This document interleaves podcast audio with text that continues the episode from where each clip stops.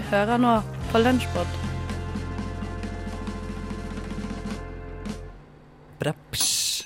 Hei, og velkommen til Lunsjpod, din favorittpodkast her fra Radio Nova. Og hvorfor er det din favorittpodkast? Jo, det er fordi dette er podkasten som gir deg noe av det som ble sendt på Radio Nova i forrige uke.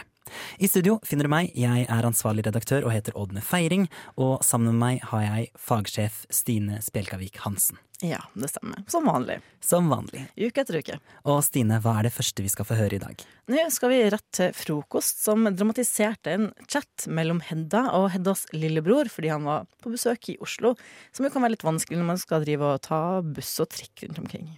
Jeg har besøk av min lillebror eh, i Oslo eh, denne uka. Koselig. Ja, det er jo koselig, det. Eh, hyggelig med familiebesøk og Hvor er han på rommet ditt? Eh, han sover på sofaen. Ja. Han har blitt forvist til sofaen. Han har fått et teppe og en pute. Ja, ja. Snill. ja, der er jeg god. Um, og min lillebror han er 18 år gammel, mm -hmm. men han er ikke så vant til store byer. Og da i hvert fall ikke i Oslo. Den største. Den største i, I verden. i verden. Den aller største byen som fins, så vidt jeg vet. Um, og han er i hvert fall ikke vant med uh, forvirrende kollektivtrafikk. Um, noe som har vært, gjort at jeg har fått en litt ekstra belastning denne Ja. uka.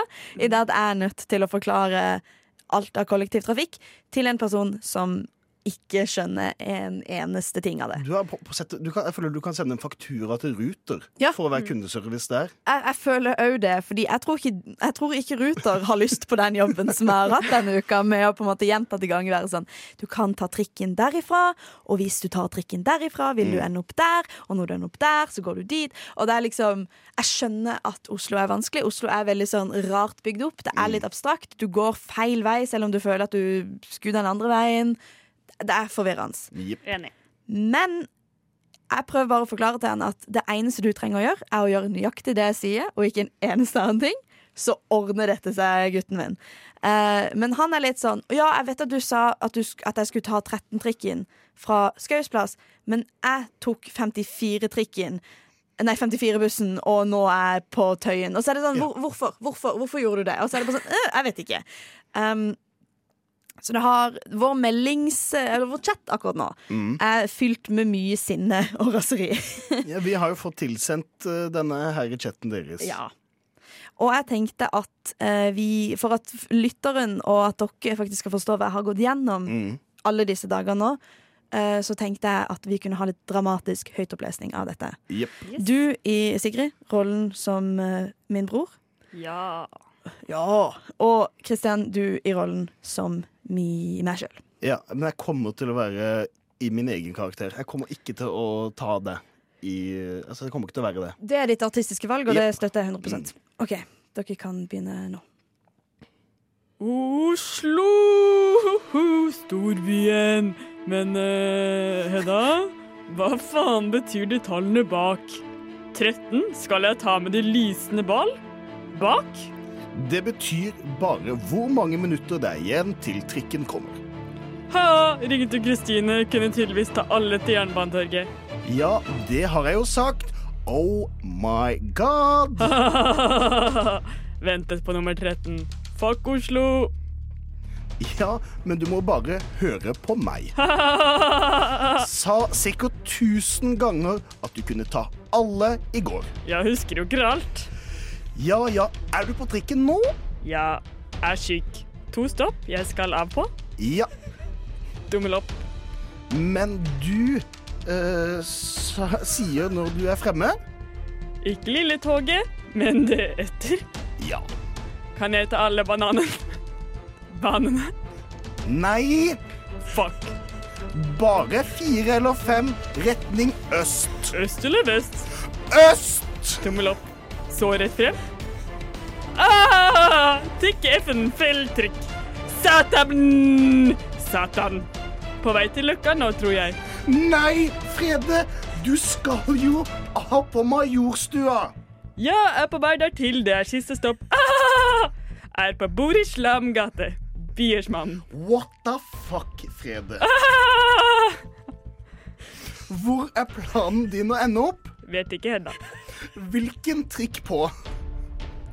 Møt meg på Majorstua, for faen. OK? Jeg Er på nummer tolv på trikken.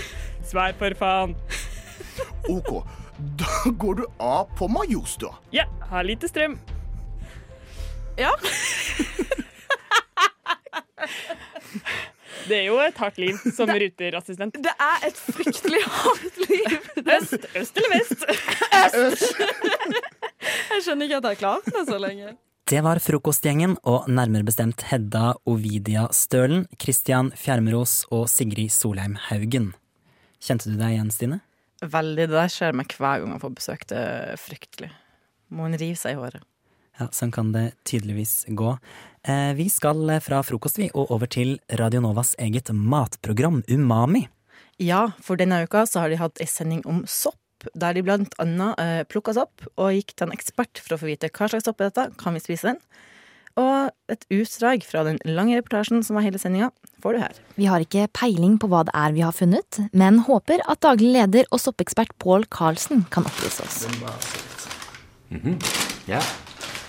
Men her var det mye morsomt å, å finne ut av. Det er jo helt fantastisk. altså Dere har jo vært ute eh, ikke lenge, og så har dere funnet så mange forskjellige arter. Og noen av disse er giftige, eh, og noen er spiselige. Og eh, rådet vårt er jo å plukke akkurat som dere har gjort. Dere har plukka i tre forskjellige poser. Dere har tenkt ok, dette er ting vi ikke vet noe om, dette er ting som ser skummelt ut, dette vet vi noe om. Ikke vel? Det er akkurat som man skal gjøre. Og når vi får en sånn inn på kontroll, så begynner vi å sortere. Hva skal vi, hvor skal vi begynne her? Skal vi begynne med matsopp, eller ikke matsopp eller giftige? Begynne med matsopp. Da har du jo én her. Altså denne er lys, og hvis du ser under, så har den pigger. Det er ofte sånn vi begynner å, å, å se på sopp, at vi, vi snur soppen og ser under. Hva er det? Eh, hva, er hva er det under? Er det, er det, er det pigger? Er det skiver? Er det porer? Eller er det, er det noe sånn rør, svampaktig? Eh, Dere har ikke rørsopp her, men dere har poresopp, dere har piggsopp, dere har skivesopp. Og det som er fint med piggsoppene, som er lyse, er at alle er matsopp. Så dette er en matsopp. Denne heter rødgul piggsopp. Her er det denne her, som er en skivesopp, men den har litt sånn ganske fete skiver. Og det kalles voksete skiver. Så dette er en, en vokssopp, og den heter olivenbrun vokssopp. Vokser i mose, og det er matsopp. Det var den vi syntes så egentlig mest skummel ut. Så er det denne, som dere også synes så veldig skummel ut, hva? Masse litt sånn rare farger Ja, mm. Og prikket og sånn. Gul, gul og svart, og til slutt så blir den helt svart unna. og ser skikkelig, skikkelig farlig ut, men veldig god matsopp. Er det sant? Svovelsopp heter det. Men man passer dere for den giftige fetteren. Besk svovelsopp. Men den er, den er grønnaktig under, da. I tillegg til et par som var spiselige, fant vi en del som kategoriseres som ikke-matsopp. En av soppene var råtne, og bitte små dyr kravlet rundt i den. Den andre var bare en bitte liten sopp som lignet litt på fleinsopp, men var mye mindre interessant. Et par andre var også ikke farlige, men heller ikke noe vits å spise. Men så kommer vi til noe litt mer spennende. Eh, Dette er en gift igjen. Den heter gi- giftkremle. Den er ikke veldig giftig, men litt giftig. Den er veldig skarp. Og ellers, når du vet det er kremle, og det vet man fordi at de har et kjøtt som smuldrer opp som, som ost Ikke sant? Ja. Eh, Det er det ikke mange som har. For det er veldig mange som er, kan prøve denne her, f.eks. Den er jo veldig trevlete. Jeg får ikke eh, delt den opp på den måten. Men det man kan gjøre med disse, er å, å smake på en liten bit i munnen. Så nå får du være tøff nok til det. Bare ta en liten bit av giftkremlen. Bare tygg på, og så spytter det ut etterpå. Bare ta den på, ytterst på tunga. Det var litt, litt tøff. Du er jo journalist, oppsøkende journalist. Ok, og så tygger jeg litt. Bare litt sånn ta den på tunga. Blir den skarp? Ja. Ja. Kan bare spytte ut. og, og det er sånn man smaker på disse kremlene. Du dør ikke. Jeg tør ikke å svelge I hvert fall. Nei, det er helt greit. Det er ikke farlig å smake på de på den måten. Nei, jeg kjenner, Den smaker ikke så mye, da, men den bare kjenner sånn prikking på tunga. Ja, Det er bare et eller annet skarp eh, stoff i det. Pål legger fra seg den kjempeekle, skumle røde soppen som jeg nettopp smakte på, og plukker opp en oransje, fin, gyllen en som ikke ser noe spesielt farlig ut i det hele tatt. Så mens noen ble imponert over hvor mye de hadde plukka på kort tid, så ble jeg mest imponert over at Miriam faktisk torde å smake på den giftige soppen. Veldig flaks at eh, hun ikke døde, holdt jeg på å si. Ja, eller ble sjuk på livstid, som det går rykter om at man kan bli. Uff, fælt å tenke på. Da har vi sett Miriam Folland og Henrik Evensen fra Umami. Nå skal vi over til Radio Novas ettermiddagsprogram Rushtid. Og de har en liten bykonkurranse. Vi driver og konkurrerer her mellom to kanskje ikke så hyppe byer, men det er byer eh, Ja, si ikke det. Er frekk? Bygd. Takk. Sa- Sars, ja, bygd, da. Eh, Yes. Det er byen Sarpsborg, Ja. eh, og så er det bygden Sogn.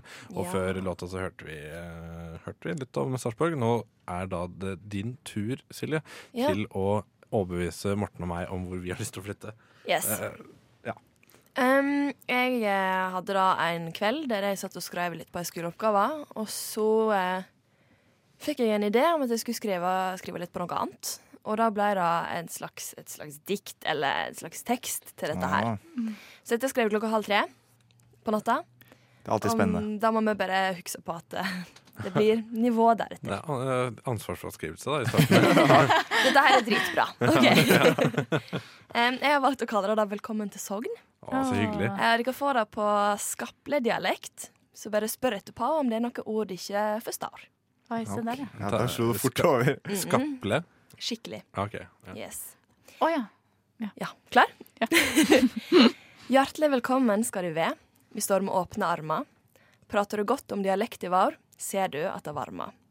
Vi har rafting, brevandring, kjærleik og fjord. Burger på Vågal og mange ledige bord. Tone Damli, hun er vår. Hun er vi stolte av, vår kjendis i mange år. Han Olav Stedje har laga mye fint. En nordmann sin drøm, der har du jo Sogn, er ikke tungvint. Men vi har mer enn bare musikk. Tror det eneste vi mangler er en slik en trikk. Men det vil vi ikke ha uansett, når vi har slike fine Audier som du sikkert har sett. De råner mellom fjord og fjell, før de til slutt ender opp på Skjell. Det er så nydelig da, å sitte der, og kikke på solnedgangen som er på hell. Vi har Fjellsportfestivalen, fantastisk i løssnø, vi produserer syltetøyet som du har på ditt brød. Norges største isbre ligger rett borti veien, og verdens eldste stavkirke er vår, og på UNESCO-lista skreven. Fjorden vår er både djupest og lengst i vårt land, og langs den så har vi mange ei strand. Folket her skriker stavn og pau, bor du i Sogn, så er du jævla rau. Men fjell og fjord er ikke alt vi er. Her er det mye å gjøre for både folk og fe. På Norges eldste hotell, der kan du bo. Det har vært i drift siden 1600-tallet, er ikke til å tru. Rett under Jotunheimen, der finner du oss. Her er det aldri noen som slåss. Utenom på puben, da. Der kan det hende vi krangler litt. Men det er bare kjærleik etter at alle har fått sagt sitt. Vi har alt du trenger for et nydelig liv. Kom, du skal sjå vi gir deg nye giv. Friske luft fra fjellet gjør deg bare godt. Geokara skal si vi har det flott. Hey. Åh, hallo, fikk jeg lyst til å flytte dit òg. Ja. Ja, det er bedre å komme. Jeg, eh, jeg må si at det diktet der, det gjør noe med meg, altså. Det, jeg? Jeg, jeg, har lyst til å flytte til Vestlandet. Ja, Ja, men så bra. ja. Eh, særlig den, det om syltetøy likte jeg. Ja. Og Olav, og Olav Stedje likte Ja, jeg. er Ja. Ikke Tone Damli? Eh, nei, jeg syns, ikke hun er noe særlig. Hun har flytta til Oslo, da, så vi Ja. fikk den. Ja, ikke sant? Ja. Olav Stedje bor fortsatt på Sogn, eller? Eh, vi ser han innimellom, men jeg vet ikke hvordan han bor.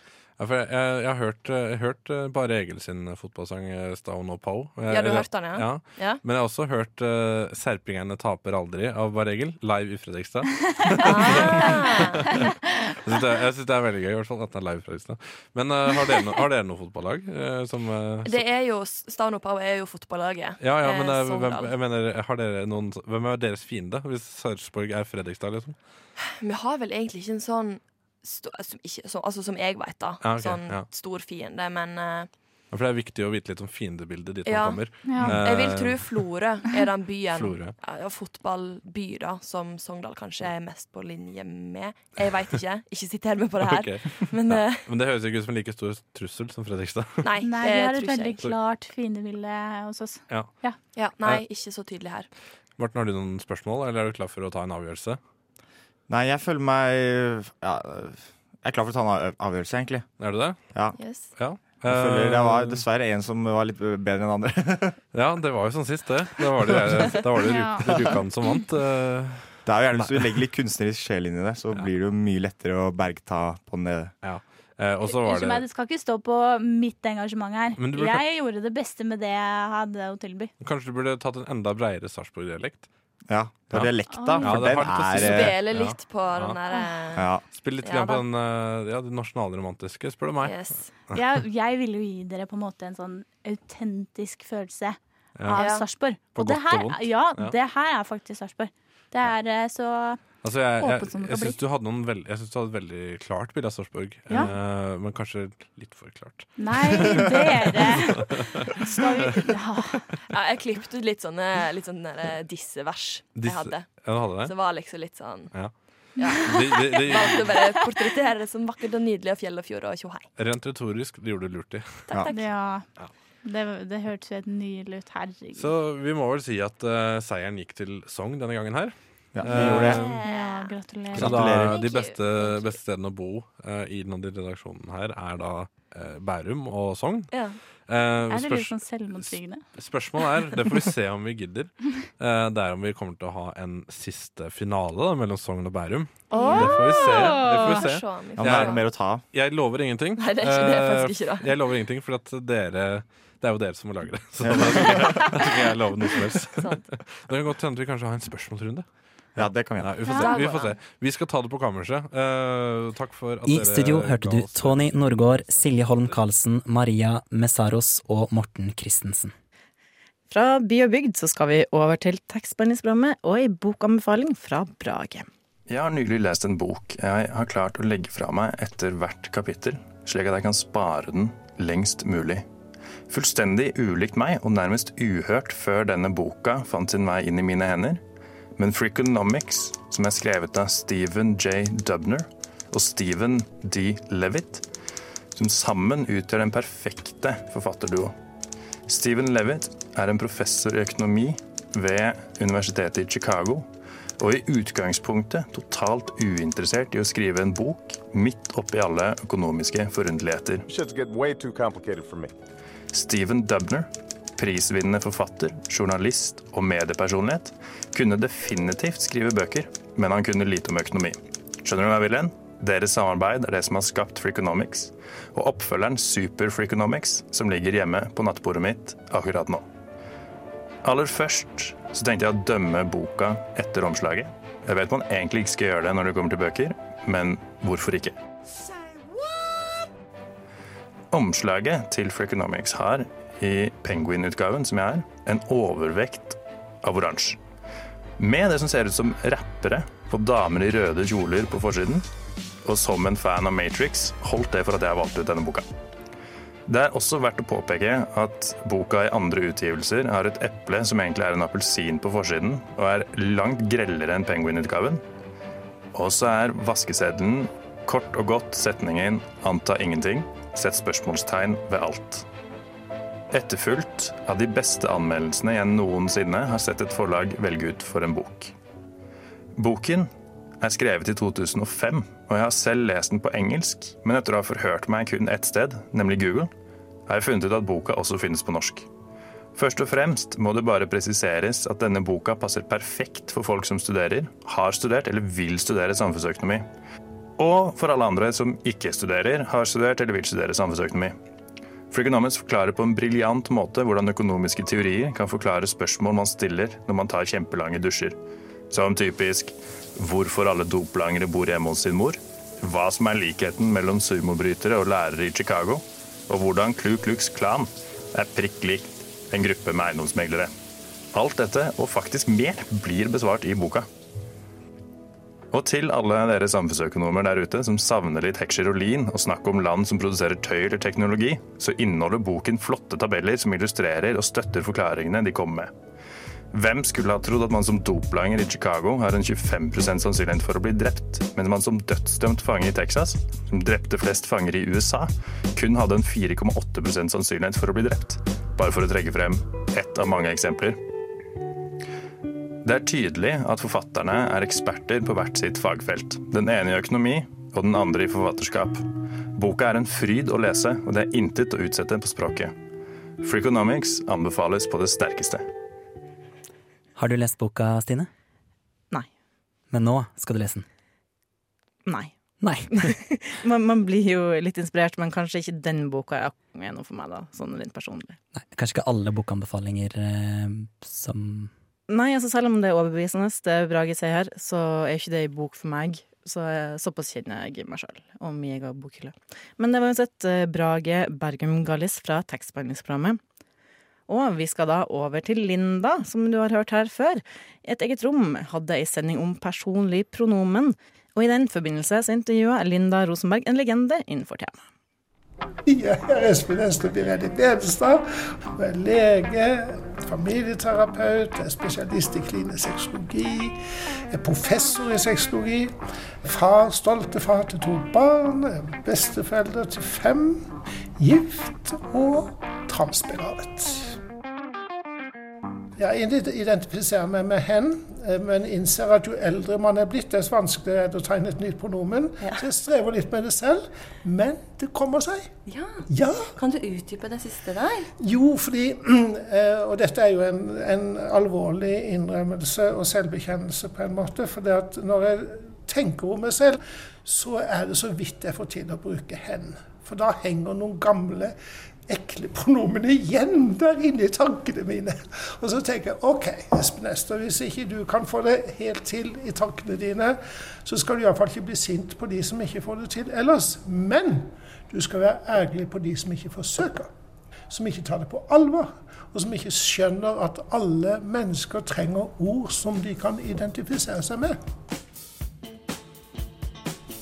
Men dette med hen, når var det det dukket opp eh, hos deg? I mitt liv så dukka nok det opp jeg vil tro på 1990-tallet, og da på, i engelsk utgave hvor, hvor det heter 'here'.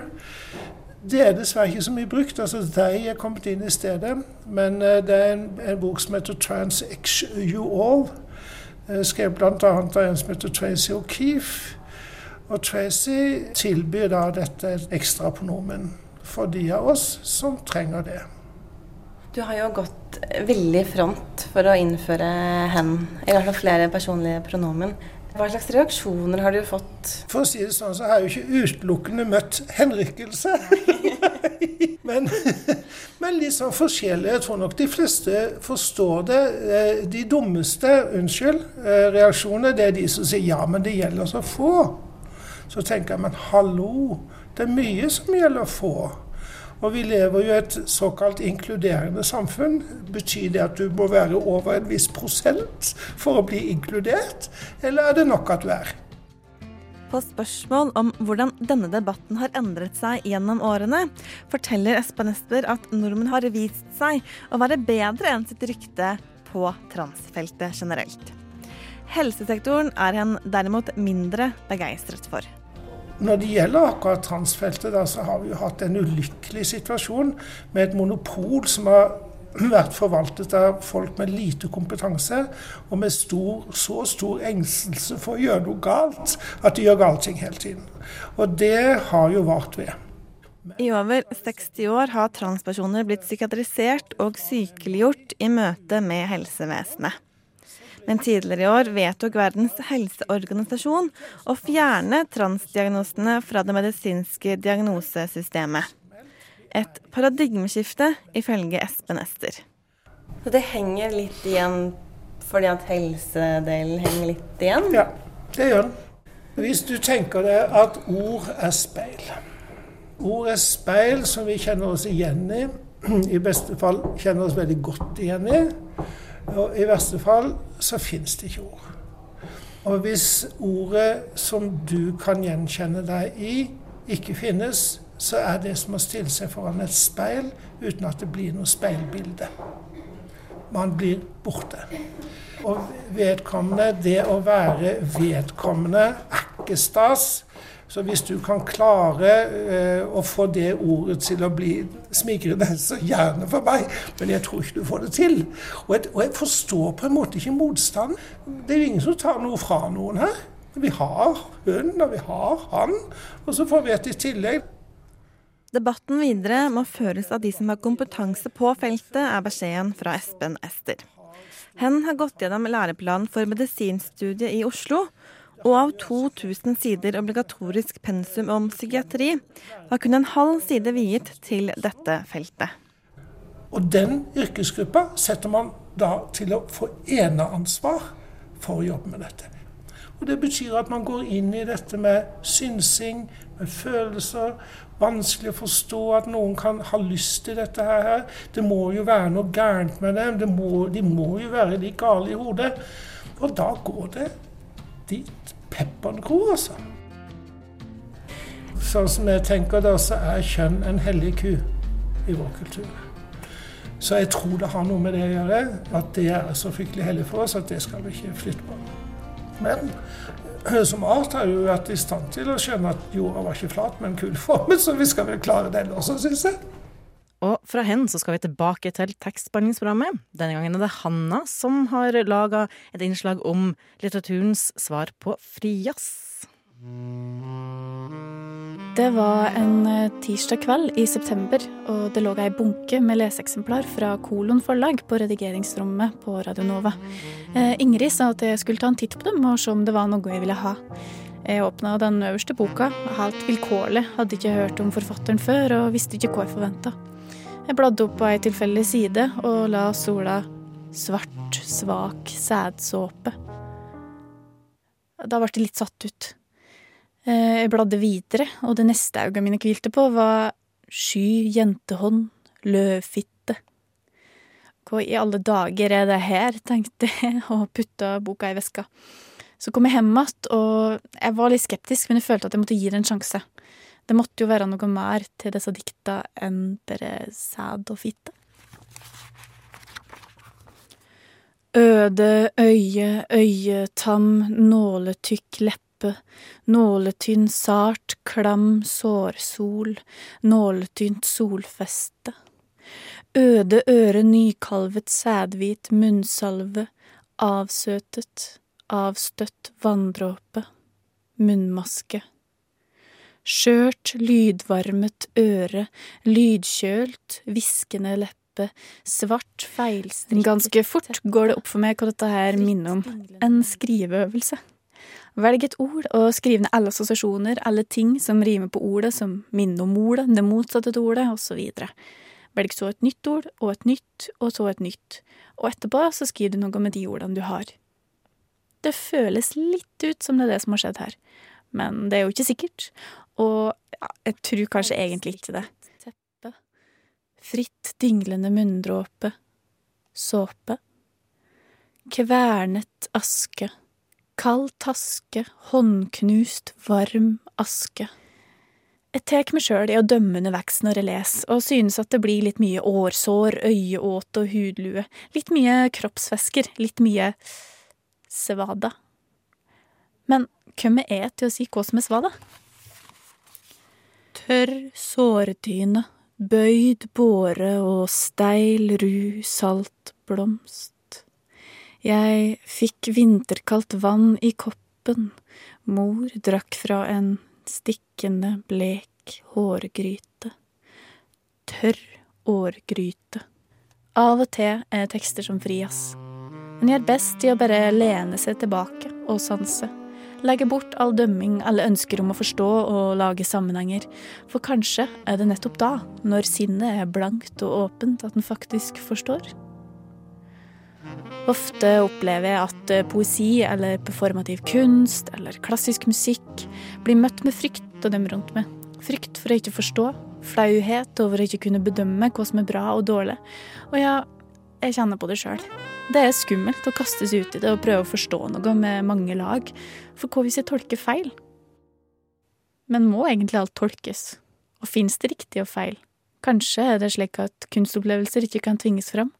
Kanskje må sjølve opplevelsen rett og slett bare slippes inn? Denne boka her, den heter Årsol og er skrevet av Vemund Solheim Aadland, forresten. Den må nok nettopp det. Slippes inn.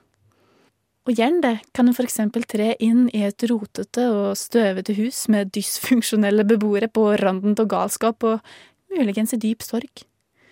Som de sjøl sier, vi lever i et tungt, trangt, urinsterkt stuelys. Og da jeg leste det på side 124, tenkte jeg ja, ikke sant, det var jo som jeg trodde, det. Og hvorfor jeg trodde det, aner jeg ikke, for det hadde ikke egentlig blitt skildra. Jeg vet bare at jeg til slutt slapp det inn, det urinsterke stuelyset.